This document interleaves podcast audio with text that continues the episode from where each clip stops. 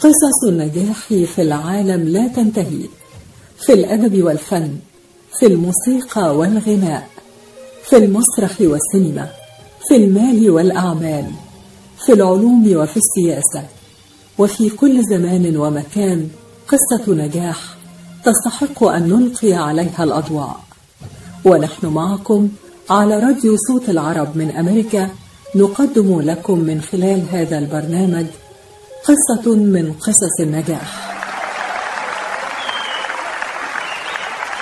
قصة نجاح.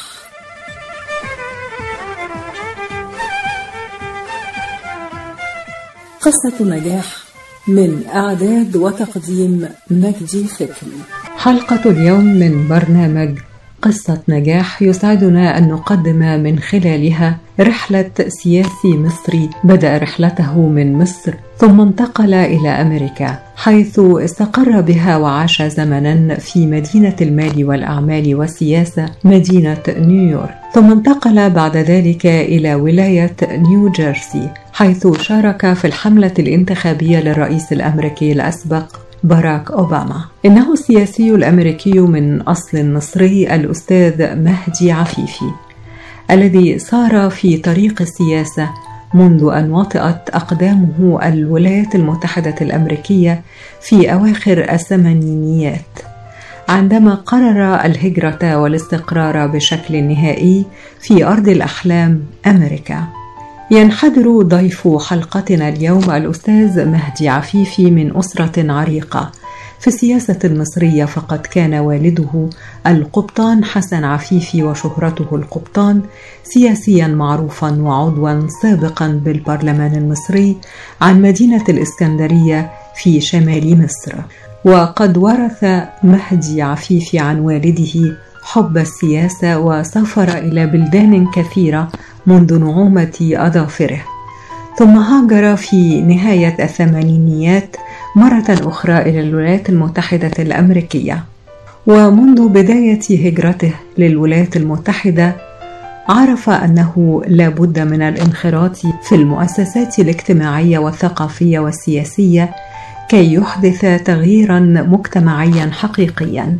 وفي أثناء وجوده في نيويورك كانت أول مرحلة من دخوله عالم السياسة هو العمل في حملة الرئيس بيل كلينتون والتي كانت مدينة نيويورك مقرا لها. بعد ذلك اندمج مهدي في مؤسسات أمريكية معنية بحوار الأديان ومؤسسات عربية معنية بحقوق العرب والمسلمين واستمر في عمله كمهندس في نفس الوقت. كما أكمل عفيفي دراسته في نظم المعلومات ومراكز الاتصالات. كون مهدي عفيفي مع مجموعة من النشطاء العرب مؤسسة علاقات عامة. قامت هذه المؤسسة بالتواصل مع المؤسسات الإعلامية الأمريكية والحديث عن حقيقة حياة العرب والمسلمين في الولايات المتحدة الأمريكية. ثم انتقل من مدينة نيويورك إلى ولاية نيو جيرسي واندمج في أروقة السياسة والمؤسسات الخدمية والاجتماعية. ثم تقلد منصب نائب رئيس أكبر مؤسسة لتنمية المجتمع المحلي في مقاطعة بايسك وعلى مدار ست سنوات استمر مهدي في إدارة شؤون هذه المؤسسة بالتعاون مع مجلس الإدارة ومؤسسات أخرى. قام مهدي بالعمل مع مؤسسات عربية متنوعة في العاصمة واشنطن وكان أحد مؤسسي فرع المؤسسة العربية لمكافحة التمييز في مدينة نيويورك. مع مجموعة من الناشطين المصريين والعرب بالإضافة إلى العمل مع المؤسسة العربية للثقافة في واشنطن. اختار مهدي العمل مع الرئيس الأمريكي الأسبق باراك أوباما بحملته الانتخابية في ولاية نيو جيرسي وقد بدأ مهدي العمل مع فريق أوباما في الولاية مبكرا قبل أن يتكون الفريق الكامل واستطاع بخبرته أن يتعاون مع المتخصصين في مجال الانتخابات وإدارة الحوار في مراكز الرأي حتى فوز الرئيس باراك أوباما. يعتبر عفيفي من أكثر الناشطين العرب المصريين الخبراء في مجال العمل السياسي الذي مارسه بشكل كبير على مدى أكثر من ثلاثين عاماً. واشترك في الانتخابات ومراقبة الانتخابات والحملات الانتخابية والكثير من الأعمال التي لها علاقة بالعمل الانتخابي في الولايات المتحدة الأمريكية، لذا يعتبر أحد أبرز العرب الأمريكيين والمصريين الأمريكيين في مجال السياسة الأمريكية من خلال عمله المتواصل في الحملات الانتخابية الأمريكية. أستاذ مهدي أهلا بك معنا. أهلا بيك وضيوفك الكرام أهلا بيكم. خلينا بقى وإحنا في مصر كده وحضرتك يعني مصري أمريكي لكن النشأة المصرية موجودة والحياة المصرية في دمك حتى الآن. يعني خلينا نبدأ من البدايات وحضرتك يعني قصة نجاحك في عالم السياسة ودخولك لعالم السياسة أساسا أعتقد أنه كان مستمد من الحياة السياسية للوالد. كلمنا عن الفترة دي في البدايات كده وارتباطك بالوالد. آه هو في الحقيقة والدي كان آه أول أعضاء آه مجلس الأمة في أيام عبد الناصر. انتخب لمرتين في خلال تولي الرئيس جمال عبد الناصر. آه واشتهر بالأبطان لأن هو كان أبطان بحري ربان اعالي البحار. آه وبعد كده انتخب مرة ثالثه في مجلس الشعب في عهد الرئيس السادات. وكان ممثل مصر في الأمم المتحدة. ومن خلال هذه النشأة أنا حبيت الاندماج في السياسة. والدي يعني أنا كنت صغير هو كان كبير بس كان دايما بياخدني معاه مجلس الأمة. كان في مكان في اسكندرية كلنا عارفينه. مبنى في ميدان التحرير. الناس اللي ما تعرفش إن اسكندرية فيها برضه ميدان التحرير. كان في مبنى عريق كان اسمه مجلس الأمة. فنشأت وشفت الناس العظام اللي, اللي كانوا سياسيين الأقوياء اللي كانوا على قرب من الناس و... تتذكر أسماء منهم أستاذ مهدي؟ آه بالطبع عبد اللطيف أبو هيف أبو هيف كان من العالمي. الناس آه عبد اللطيف أبو هيف السباح العالمي طبعا للمستمعين الآن آه من الناس اللي أعرفها كويس جدا لأنه كان صديق الوالد مع إنه والدي كان عمال وهو فئات لكن كان في صداقة كبيرة تجمعنا بيهم وكان في فؤاد البشبيشي وكان في كل هؤلاء القامات كنت بشوفهم وأنا صغير في مبنى مجلس الأمة. ويعني نشأت في هذا الجو اللي كان دايما يعني والدي لما كنا بنروح من البيت لمجلس الأمة كان المشوار اللي ياخد عشر دقائق بياخد ساعتين لأنه كان بيلتقي بالناس في الشارع وبيسأل هم عاملين إيه وكان دايما البيت عندنا مفتوح للقاءات ثقافية وحاجات كده. يعني كان وجودك في هذا المعترك السياسي بداية حياتك وبداية تعلقك بالسياسة؟ أعتقد إن هو دي البداية لأن أنا يعني طبعا أنا شفت الوالد كان بي هو كان في منطقة الجمرك والمينا والمنشية هي دي منطقة الانتخابات بتاعته. كان يعني برضو للمستمعين العرب يعني دي منطقة مليئة بالصيادين ومنطقة قريبة من البحر ومنطقة قريبة من قلعة قيتباي وهي أشهر معالم الإسكندرية السياحية يعني. ودي ناس بتعتبرها يعني اسكندرية القديمة نفسها. وكان فيها نخبة من الجنسيات المختلفة اللي ما يعرفش. يعني أنا تربيت في وسط ناس إيطاليين ويونانيين وأرمن والبيت اللي إحنا نشأنا فيه كان فيه بس أربع عائلات مصرية والباقي كان منهم حتى يهود. يعني كان في معانا يهود وأرمن وطبعا مجموعات كبيرة. ودي كانت حاجة ساعدتني في الولايات المتحدة الامريكيه كتير إن أنا أتأقلم مع العروق المختلفة والأفكار المختلفة. أنا كنت دايما كنت صغير جدا بس كان والدي بيحرص إن أنا أبقى معاه في أماكن زيارات كان دايما بي يعني المنطقة بتاعت الانتخابات كان يعني كنت تقريبا حافظها شارع شارع وحارة حارة لأنه كان بيهتم إنه يروح ويزور الناس في أماكنهم ويتكلم معاهم ويسمع منهم وينقل ما يستطيع نقله ويحل مشاكلهم. فأنا رأيت ده بنفسي منذ لما كنت في ابتدائي. قصة نجاح. بينما كنا نجلس في بيوتنا مطمئنين كان علماؤنا يعملون ليل نهار لإيجاد لقاح لفيروس كوفيد 19 شكلت الأبحاث التي انطلقت منذ عقود حول أنواع أخرى من فيروس كورونا نقطة بداية في رحلة استغرقت أشهرا من البحث والتطوير بالتعاون مع خبراء من جميع أنحاء العالم. وبعد الحصول على نتائج سريرية واعدة لعشرات آلاف المتطوعين توصل العلماء أخيرا إلى لقاح آمن وفعال حيث تم حتى يومنا هذا تلقيح مئات الآلاف من الأشخاص في ميشيغان. والآن أصبح مصيرنا بين أيدينا لنأخذ اللقاح في أول فرصة ممكنة ولنستمر في ارتداء الكمامة ولنأخذ الاحتياطات اللازمة حتى نصل إلى بر الأمان والتحرر من فيروس كورونا. للحصول على أكثر المعلومات مصداقية زوروا الموقع الإلكتروني michigan.gov/covid vaccine. هذه الرسالة بدعم من وزارة الصحة والخدمات الإنسانية في ولاية ميشيغان. تحس إنه إيديك عم تنمل أو كتفك عم يجمد أو أصابعك عم تورم وما عم تقدر تشتغل فيهم مثل ما بتريد. مرحبا أنا الدكتور عبد المجيد قطرنجي. زورونا بموقعنا الإلكتروني www.kachanjihandcenter.com لتتعرفوا على كيفية العلاجات لإصابات اليد والكتف والكوع. وإن شاء الله تقدروا تشاركونا بافتتاح مركزنا الجديد في تروي ميشيغان. ونتمنى لكم العفو والعافية.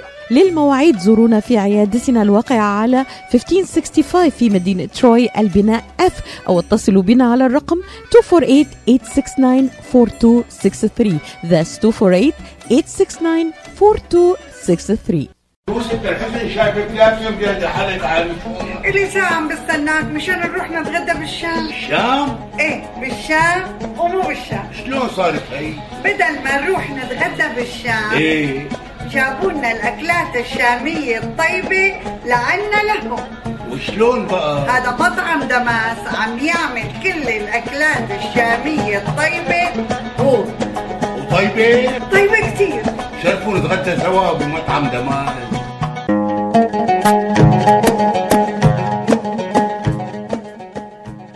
الأكل الشامي الأصيل فقط ب Damas Cuisine. زوروهم على 28841 Orchard Lake بفارمينغتون هيلز.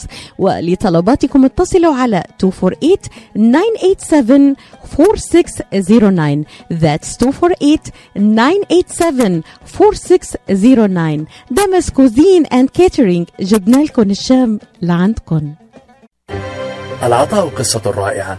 بدايتها إنسان يهتم ونهايتها إنسان يحتاج. مؤسسة الحياة للإغاثة والتنمية ومنذ أكثر من 25 عاما تحمل عطاءك إلى من يستحقه ويحتاجه بغض النظر عن الجنس أو العرق أو الدين.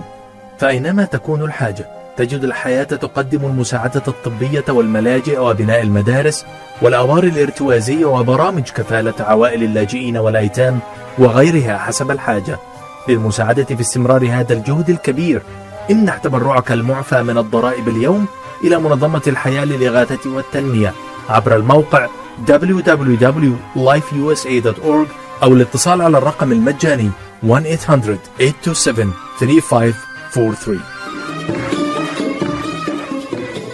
قصة نجاح. الكاتب والمحلل السياسي عضو الحزب الديمقراطي بالولايات المتحدة الأمريكية الأستاذ مهدي عفيفي نواصل رحلتنا في قصة النجاح النهاردة ونتكلم أيضا عن ارتباطك بالوالد أيضا من خلال عمله في البحرية وكقبطان بحري هو ده اللي خلاك آه، رحت الأكاديمية البحرية تدرس هناك؟ هو في الحقيقة والدي ما كانش عايزني أروح وأنا ما درستش.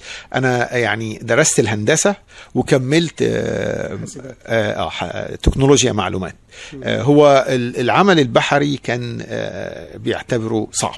أنا ليا أخويا أصبح قبطان بحري وخالي أصبح قبطان بحري لكن أنا شخصيا العيلة كلها طبعا لكن أنا شخصيا دخلت الهندسة وكملت بكالوريوس هندسة عادية.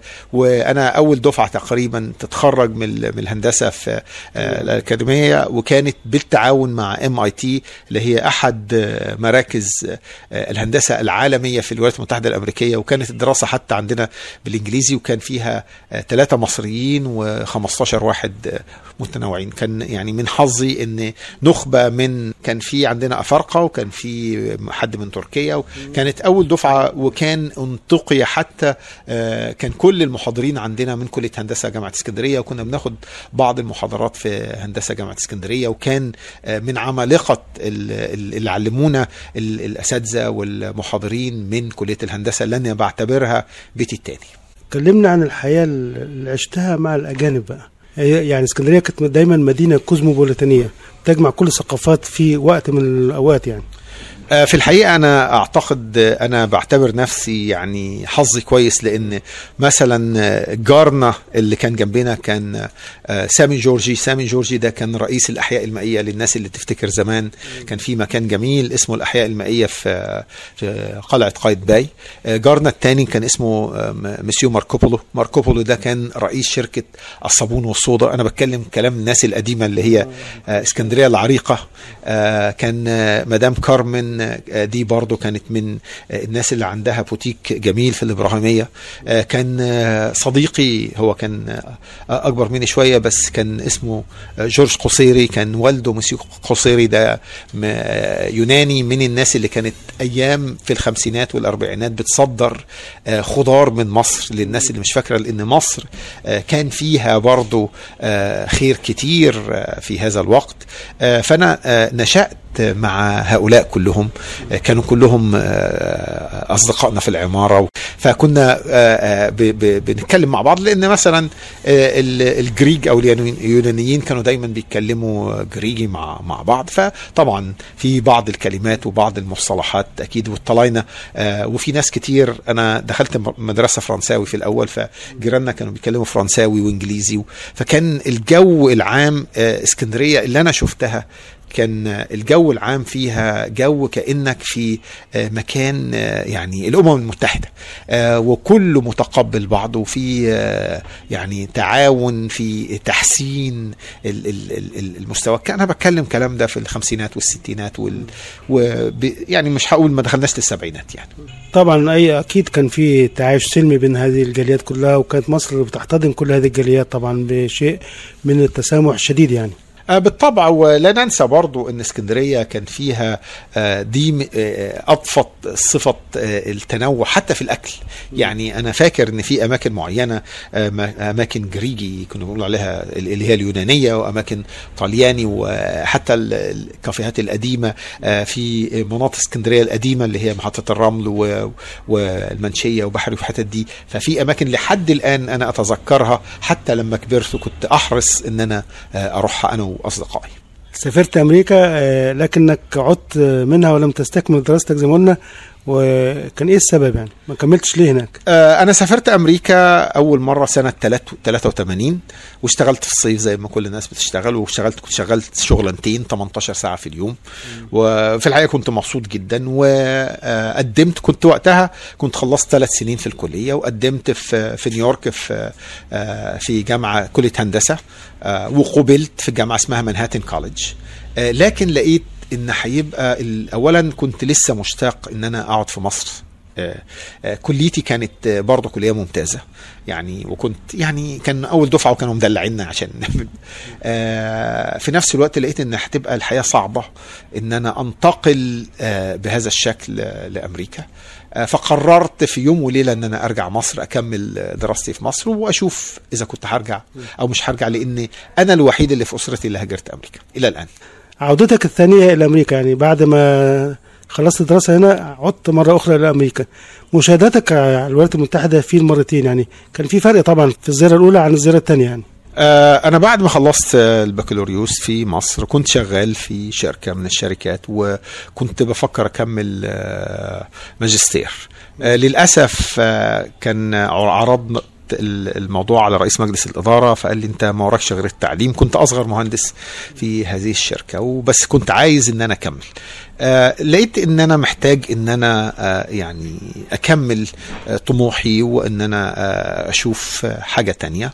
فقررت إن أنا أسافر تاني لأمريكا وفي هذا الوقت كنت مقرر إن أنا أسافر بنية إن أنا أقعد. يعني أنا كنت عايز أكمل آه آه دراستي وأكمل آه حياتي في, أمريكا وفعلا سافرت. في الأول كنت متردد لإن آه كنت آه يعني مش عايز آه أسيب أسرتي وكنت بدأت إن أنا أرتبط. فبرضه الأمور كنت تزوجت وقتها؟ لا ما كنتش تزوجت كنت خطبت يعني فوقتها آه، يعني كنت متردد أكمل ما أكملش. كنت بحاول أرجع كل ست شهور أو سنة آه، وبعد كده قررت إن أنا آه، أهاجر أستقر في الو- في الولايات المتحدة الأمريكية. وفعلا استقريت وبدأت آه، أكمل دراسة في مجال تكنولوجيا المعلومات. آه، كان آه، طبعا ده آه، موضوع بالنسبة لي مقرب آه، جدا لأني آه، كانت آه، الطفرة بتاعه تكنولوجيا المعلومات بدأت آه، آه، تظهر- بشكل كبير وأنا بحب الهندسة بشكل عام. طيب آه، اسمح لي نطلع فاصل. يلا سوا يا حبي نسهر.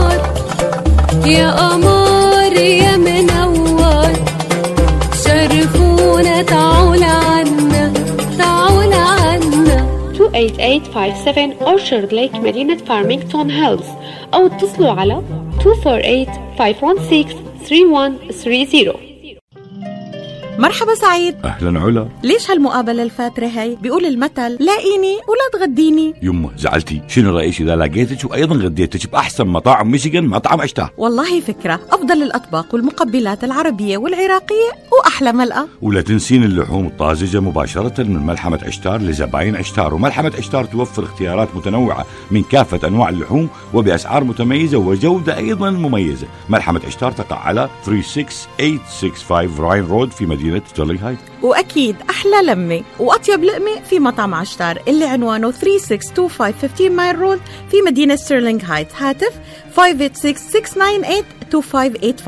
586-698-2585 يلا علا. يلا عشتار للجودة وكرم الضيافة عنوان. مطعم عشتار. مراكز IVF مشيغان للخصوبة وأطفال الأنابيب الرواد في مجال الطب التناسلي. تعلن عن استقبال مراجعيها في بلومفيلد هيلز ومراكزها المنتشرة في ميشيغان وأوهايو حيث يتواجد أمهر الأخصائيين لتقديم الاستشارات في جميع مجالات التلقيح الصناعي. يعتبر الدكتور نيكولاس شما أحد أهم الأخصائيين في الغدد الصماء التناسلية في ولايتي ميشيغان وأوهايو حيث أجرى أكثر من عشرة آلاف عملية طفل أنبوب وساعد الآلاف من الأزواج على تحقيق حلم الأبوة. يحمل الدكتور شمة شهادة البورد الأمريكي في كل من أمراض النساء والتوليد أمراض الغدد الصماء التناسلية والعقم. رعاية طبية ممتازة وتفهم عميق للأثر العاطفي والنفسي لحالة العقم. للاستفسار اتصلوا على 248 952 9600 248 952 9600 مركز طب رهاب للعلاج الطبيعي بإدارة الدكتور محمد فرح حسين أخصائي العلاج الطبيعي بخبرة أكثر من 13 عاما.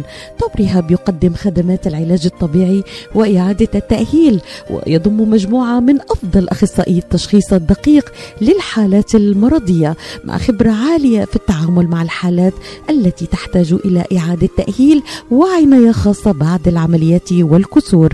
طب رهاب يستقبل كل الحالات المتعلقة بألم الرقبة الظهر المفاصل شلل الوجه الانزلاق الغضروفي عرق النساء الحوادث وإصابات العمل. خبيرات في المعالجة النسائية لخصوصيات تامة للسيدات.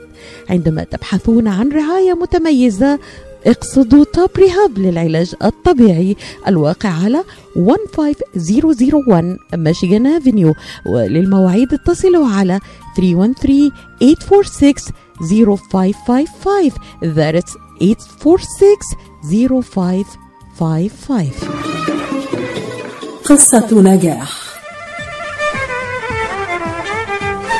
الكاتب والمحلل السياسي الأستاذ مهدي عفيفي يعني نتحدث عن بداية رحلتك في الولايات المتحدة الأمريكية ويعني متى قررت بقى وانت هناك الدخول إلى عالم السياسة الواسع والصعب؟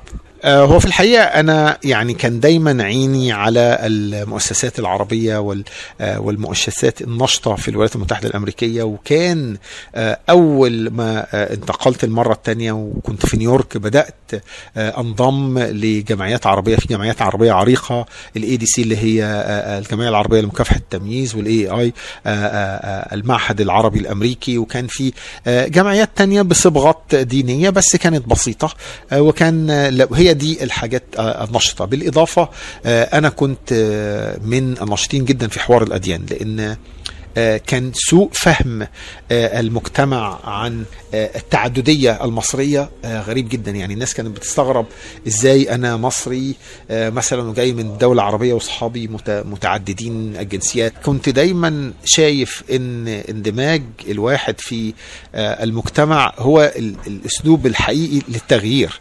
أنا مش هقدر أغير أو اشترك في مجتمع وأنا بره فلازم أبقى داخل هذا المجتمع فلذلك من أول يوم أنا كنت مهتم آه، لقاءات ثقافية يعني كنت مقرر بشكل فردي مش معاك أصدقاء لا. شجعوك أو مجموعة أصدقاء مثلا دفعوا بيك للحياة السياسية مثلا لا بالعكس ال- إن الأصدقاء كانوا دايما اهتمامهم يا إما عايز يشوف الشغل بتاعه يعني اهتمامه شخصي في تنمية يعني مهاراته الشخصية و- وإمكانياته. آه، أنا كنت شايف إن جزء من آه، آه، تنمية المهارات إن الواحد يبقى مندمج في هذا ال- ال- المجتمع. لم نتحدث عن مشاعرك بقى ومشاهداتك. ورؤيتك للحياة في أمريكا أول مرة رحت وتاني مرة رحت. آه، في الحقيقة يعني يعني؟ لا هو كان تاني مرة كنت آه، يعني آه، قررت إن أنا هستمر. فما بقتش العملية مجرد إن أنا بجرب لا. آه أنا بدأت أقرر هقعد فين هسكن فين بشكل مستمر. إيه أفضل الاختيارات؟ يعني أول مرة رحت كنت بقعد مع جماعة أصحابي زي ما هم قاعدين شغالين إحنا كانت. انطباعاتك عامة بقى يعني كزائر وكده يعني يعني الانطباعات الأولى غير الانطباعات الثانية أكيد يعني آه، بالطبع بس أنا من النوع اللي بحب أبحث يعني أنا بسافر كتير وبتحرك كتير فالمكان اللي كنت بقعد فيه لازم وقتي كله كنت الفاضي ببتدي أستكشف ال- الجو حواليا آه، الم- المكان آه، ينفع سهولة التنقل فيه ولا لأ. آه، فالمرة التانية كنت بدأت أقرر أن أنا هأقيم في مكان جوه مدينة نيويورك مش بره مدينة نيويورك مع إنها أغلى آه، لكن أسهل في الوصول وأسهل في الإمكانيات. وبدأت أكون آه، علاقات تتبع هذا المكان واتصالات لأني آه، كان لابد من الاندماج في المجتمع. بالنسبة لي لأن أنا ما بعرفش أعيش لوحدي. الناس فاكرة إن مصر عبارة عن أهرامات وجمال وناس قاعدة بتشرب يعني حاجات آه، مش طبيعية وخلاص هي دي مصر. فلقيت إن آه، لا لابد إن يبقى في دور إن الواحد آه، يعمله. اولا لتحسين صورتنا إحنا شخصيا جوه الولايات المتحدة الأمريكية وتحسين صورة مصر. بالإضافة لتحسين الصورة إن إن إحنا مش ناس عنصريين. يعني. مواطن عربي وأنا أؤمن دايما العمل من خلال مظله عربي. يعني لأن محاولة تفهيم آه، ال- ال- الأمريكي إن أنا مصري وده لبناني وده بتلخبطه. فهو مش هو أصلا ما وصلش لهذه المرحلة من ال- التفاصيل ف وأدخل بقى في آه، فرق وديني بقت مشكلة. نقدر نقول بقى إن بداية دخولك معترك الحياة السياسية انطلق من غيرتك على الشخصية العربية. بالطبع بالطبع. ولقيت إن إحنا كعرب مش بنمثل نفسنا كويس في مجتمع مفتوح اللي بيه إنك أنت تقدر تغير أي حاجة. وده اللي فعلا يعني على مدار السنين لما نتكلم تاني ده فعلا التغيرات اللي حصلت على مدار 35 سنة. آه، إنجاز غير عادي قد لا يكون يعني مهم لبعض الناس لكن كعرب آه، في الولايات المتحدة الأمريكية وكأقليات أعتقد إن في إنجازات كبيرة جدا نتيجة اندماج القليل. يعني إحنا لو كان في ناس أكتر اندمجت ودخلت آه، في الحياة السياسية والحياة الاجتماعية كان هناك تأثير بقى كبير جدا. هناك تأثير في مناطق معينة اللي حصل فيها اهتمام وحصل فيها نشاطات وكان في ناس سباقين. يعني أنا كان من حظي برضو إن إن التقيت بأول سيناتور عربي آه، أصل لبناني آه، جيمس أبو رزق. كان ده أحد الناس اللي, اللي شجعتني جدا. قال لي ما تسمعش كلام أي حد من من بلادنا أو من العرب بتشوفه كل الناس هتقول لك أمريكا هتنهار بعد خمس سنين وأنا بقالي هنا خمسين سنة وأمريكا مش ما انهارتش ومش هتنهار. أنت خل خليك انضم وادخل واتكلم مع أي حد واقعد مع أي حد. دخولك عالم الحياة السياسية في الولايات المتحدة آه، وأنت شخص عربي مواطن عربي الم تخشى أن تتعرض لبعض الصعوبات آه، بعض المضايقات كمواطن عربي يعني؟ في الحقيقة أنا دخلت من أماكن عد عدة منها حوار الأديان. آه، أعتقد كمان أن أحداث سبتمبر في رأيي أنا خلت فتحت عين ال- العالم كله والو... لا بالعكس ده 11 سبتمبر يعني ألقت بنظرة خوف آه، من المواطن العربي. لا هو في الحقيقة ده خوف من المواطن اللي مش نشط وده الناس مش واخدة تف- تفهمه يعني الناس بتقول لك في عنصرية في أمريكا أنا ما فيش حد يقدر يبص لي غلط. لأن أنا عارف حقي وأعرف آخد حقي إزاي وأعرف أتكلم إزاي وأعرف إيه اللي ليا وإيه اللي عليا. آه هي مسألة إن في جهل. جهل من المواطن الأمريكي بالمواطن العربي وجهل من المواطن العربي في كيفية آه إن هو يظهر ويقدم نفسه وياخد حقوقه. فهي التصور إنك أنت النهارده لو مش جزء زي ما قلت لك لو أنت مش جزء آه، من الناس اللي قاعدين على الترابيزة هتبقى جزء من قائمة الطعام. وده اللي حصل إن كنت دايما في مكان وكان هذا بيؤدي إلى في أوقات كتيرة جدا. يعني تم درء ال- المفاسد زي ما بيقولوا بسبب التواجد لأن محدش يقدر يتكلم عن العرب وأنا موجود. محدش يقدر يتكلم عن مصر وأنا موجود. لأن حتى لو حد بدأ يتكلم لازم يبص يتأكد مني إن الكلام ده صح ولا غلط. حتى لو هو بيقول حتى لو هو خبير لأنه بيبقى دايما حاطط في اعتباره لا ده في حد آه هو أمريكاني وعربي وفاهم ومندمج وعارف آه أنا مين وبعمل إيه. فبتبقى آه وجود الإنسان في هذه المعاقل وفي هذه الأماكن مهم جدا لتغيير الصورة ولأنه يبقى جزء فاعل. وده اللي حصل. ومن خلال هذا ما كانش عندي أي مشكلة إن أنا دخلت في الك- الحملة الانتخابية بتاعت آه، بيل كلينتون وكنت من الناس النشيطين أهم ذكرياتك عن هذه الحملة حملة بيل كلينتون يعني؟ آه إنها كانت في نيويورك وكان آه إن كان الناس مش متخيلين إن بيل كلينتون اللي جاي آه من آه زي قرية ما هو جاي من ولاية آه بعيدة جدا آه آه وجاي من حتة زي قرية وكان آه كان رجل سياسي هناك بس إيه يعني؟ إنه يبقى آه رئيس الولايات المتحدة الأمريكية وإنه يبقى بهذه الشعبية. يعني بيل كلينتون غير مفاهيم كتيرة ودي هي أمريكا. أمريكا إن آه بلد تحقيق المستحيل في أي مكان سواء كان ده في حملة بيل كلينتون أو في حملة أوباما. يعني أنا في حملة أوباما كنت في مركز آه، رقم اتنين من آه، الولاية. يعني الولاية كان في إدارة آه، الحملة. أنا كنت الرجل الثاني في هذه الحملة ودي ما حصلتش في تاريخ عربي قبل قصة نجاح. قشات Mediterranean Market بإدارة سهر قشات وأولاده. يرحبون بالجالية العربية والكلدانية. جميع أنواع المواد الغذائية البان طازجة الكرزات والبهارات الطازجة. داخل الأسواق مطعم Mediterranean شيش كباب يقدم يوميا جميع أنواع الكباب. المقبلات العربية العراقية وصواني ال combo المميزة تفتح الأسواق من الثامنة إلى التاسعة مساء من الاثنين وحتى السبت ومن الثامنة صباحا إلى التاسعة مساء يوم الأحد. تقع الأسواق على 32839 Northwestern Highway في مدينة فارمينغتون هيلز لحوم حلال للجالية الإسلامية لطلباتكم من المطعم call 248-538-7855 that is 248-538-7855 قشة Mediterranean Market خدمة متميزة ومعاملة راقية.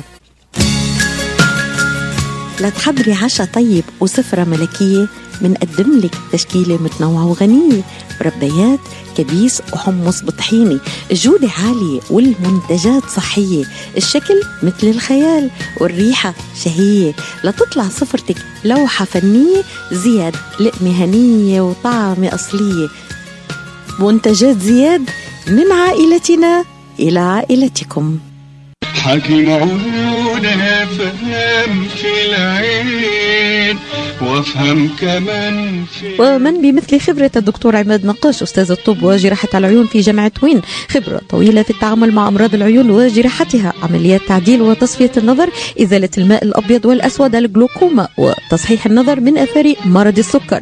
كادر متخصص ومتدرب لخدمتكم. شعبة متخصصة للنظارات الطبية والعدسات اللاصقة يقبلون معظم أنواع التأمين الصحي. زوروهم في عيادتهم الواقعة على John R وال Nine Mile في مدينة Hazel Park. للمواعيد اتصلوا على 248 336 3937 248 336 3937 أو عيادتهم في Rochester Hills للمعلومات اتصلوا على 248 299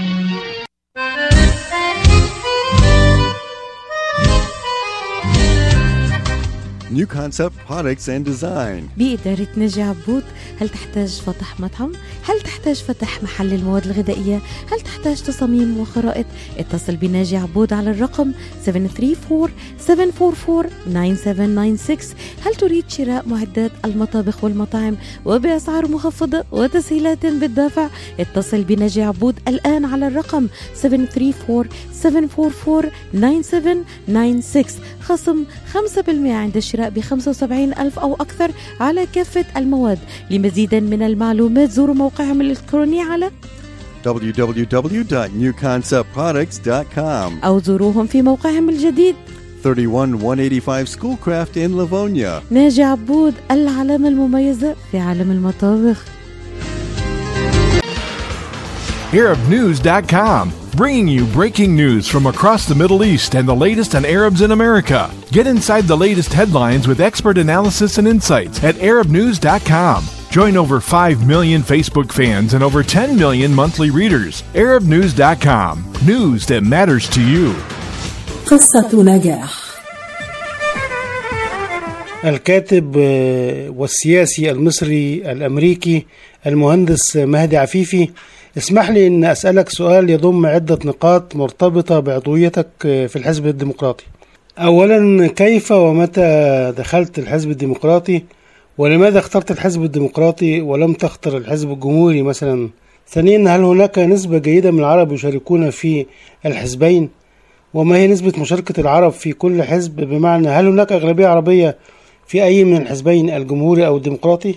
آه، في الحقيقة أنا التحقت آه، بعضوية الحزب الديمقراطي في أوائل التسعينات آه، 90 91 آه، سبب انضمامي للحزب الديمقراطي لأن عادة الحزب الديمقراطي في الولايات المتحدة الأمريكية آه، بيؤيد حقوق الأقليات أكثر آه، وبيدعم المغتربين وأفكاره آه، قريبة من آه، يعني الخلفية آه، آه، المصرية التي أتيت منها. فلذلك آه، أنا لقيت آه، الحزب الديمقراطي ممكن يكون في فرصة للاندماج في الحياة السياسية وأن الواحد يقدر آه، يؤثر آه، من خلال هذا الحزب. مرة تانية الحزب الديمقراطي أفضل بالنسبة للعرب للحزب الجمهوري للتقارب مع ال- الأمريكان من أصول عربية. لكن للأسف الشديد آه، ال- الممارسة الحزبية والسياسية من العرب الأمريكيين قليلة جدا ويكاد عندما بدأت كانوا على عدد الأصابع اليد الواحدة. آه، واستمرت هذه آه، المسألة لفترة. آه، وللأسف برضو المصريين أقل حتى بكثير من العرب يعني اللبنانيين والسوريين عشان قدموا للولايات المتحدة الأمريكية آه، في عصور سابقة لهم باع في هذا الموضوع. آه، لكن المصريين لا يشتركوا بشكل آه، نهائي في أي أعمال سياسية أو حزبية.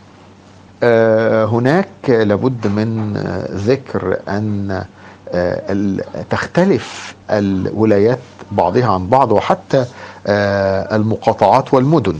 فعندما يكون هناك آه، ولايات فيها أقلية عربية كثيرة يكون نسبة المشاركة كثيرة في هذا العمل. ليس بأنهم بيشاركوا كمجموعة لكن آه، لو في آه، مكان فيه عشر تلاف عربي أكيد هيكون في واحد أو اتنين يقدروا يرشحوا نفسهم.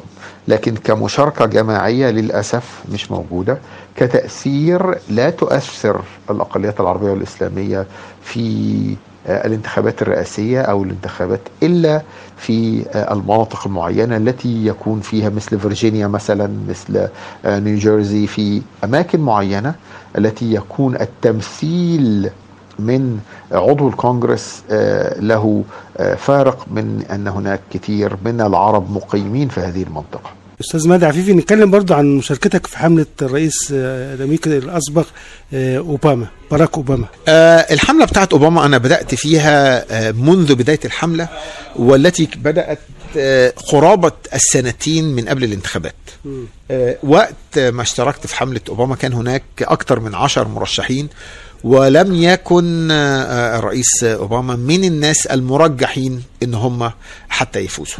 لكن أنا كان عندي قناعة أن آه، من دراسة شخصية آه، الرئيس أوباما ومن معرفة من تم تعيينهم لأن كل ولاية بيتم تعيين مدير للحملة. آه، وهو بيمثل شخص الرئيس. ف آه، آه، يعني رئيس الحملة في ولاية نيوجيرسي اللي أنا كنت وقتها انتقلت إليها كان على آه، رجل آه، آه، دكتور في ال القانون رجل مثقف على أعلى درجة وكان الفريق من الفريق المتخصصين.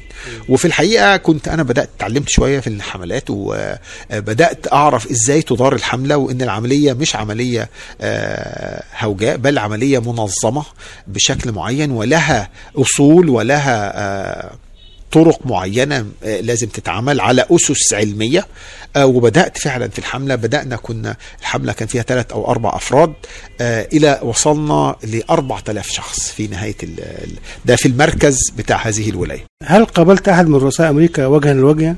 آه بالطبع أنا قابلت كلينتون آه وجها لوجه قابلت هيلاري كلينتون بس اللي عملت معاه وقابلته كتير آه آه وولادي كمان قابلوه كان آه آه الرئيس أوباما ومن الناس الشخصيات المقربة لقلبي ومن الناس اللي كان يعني بسيط ورجل كان يعني آه الكثير. أستاذ مهدي عفيفي أي من المطربين العرب تحب الاستماع إليه بشكل دائم؟ ويعني كل ما تكون في أمريكا كده تحب تسمع أغانيه يعني؟ في الحقيقة أنا أميل للموسيقى أكتر. آه، طبعا أنا برضو بحب الحاجات القديمة يعني مثلا حاجات سيد درويش حاجات آه، طبعا في أسماء هتكون راحت من دماغي. آه, آه, آه, آه طبعا سيد مكاوي آه آه آه بس آه بعشق موسيقى عمر خيرت. أهم آه، آه، يعني الناس اللي أنا بحبها جدا جدا هو عمر خيرت. آه، موسيقى عمر خيرت لا تفارقني وأنا بعتقد إن هي فيها لمحات كتير جدا مصرية.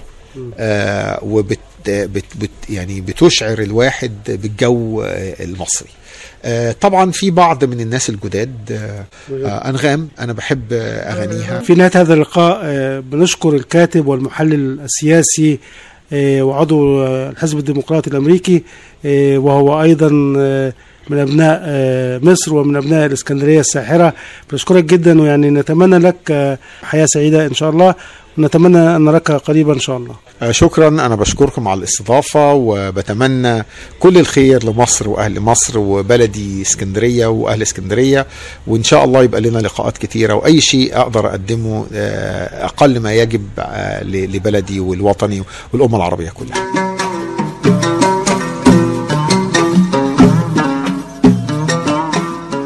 شكرا لكم مستمعينا الكرام وإلى اللقاء. مع حلقة جديدة وقصة جديدة من قصص النجاح. شارك في تقديم هذه الحلقة منال زيدان. قصة نجاح. قصة نجاح من أعداد وتقديم مجدي فكري.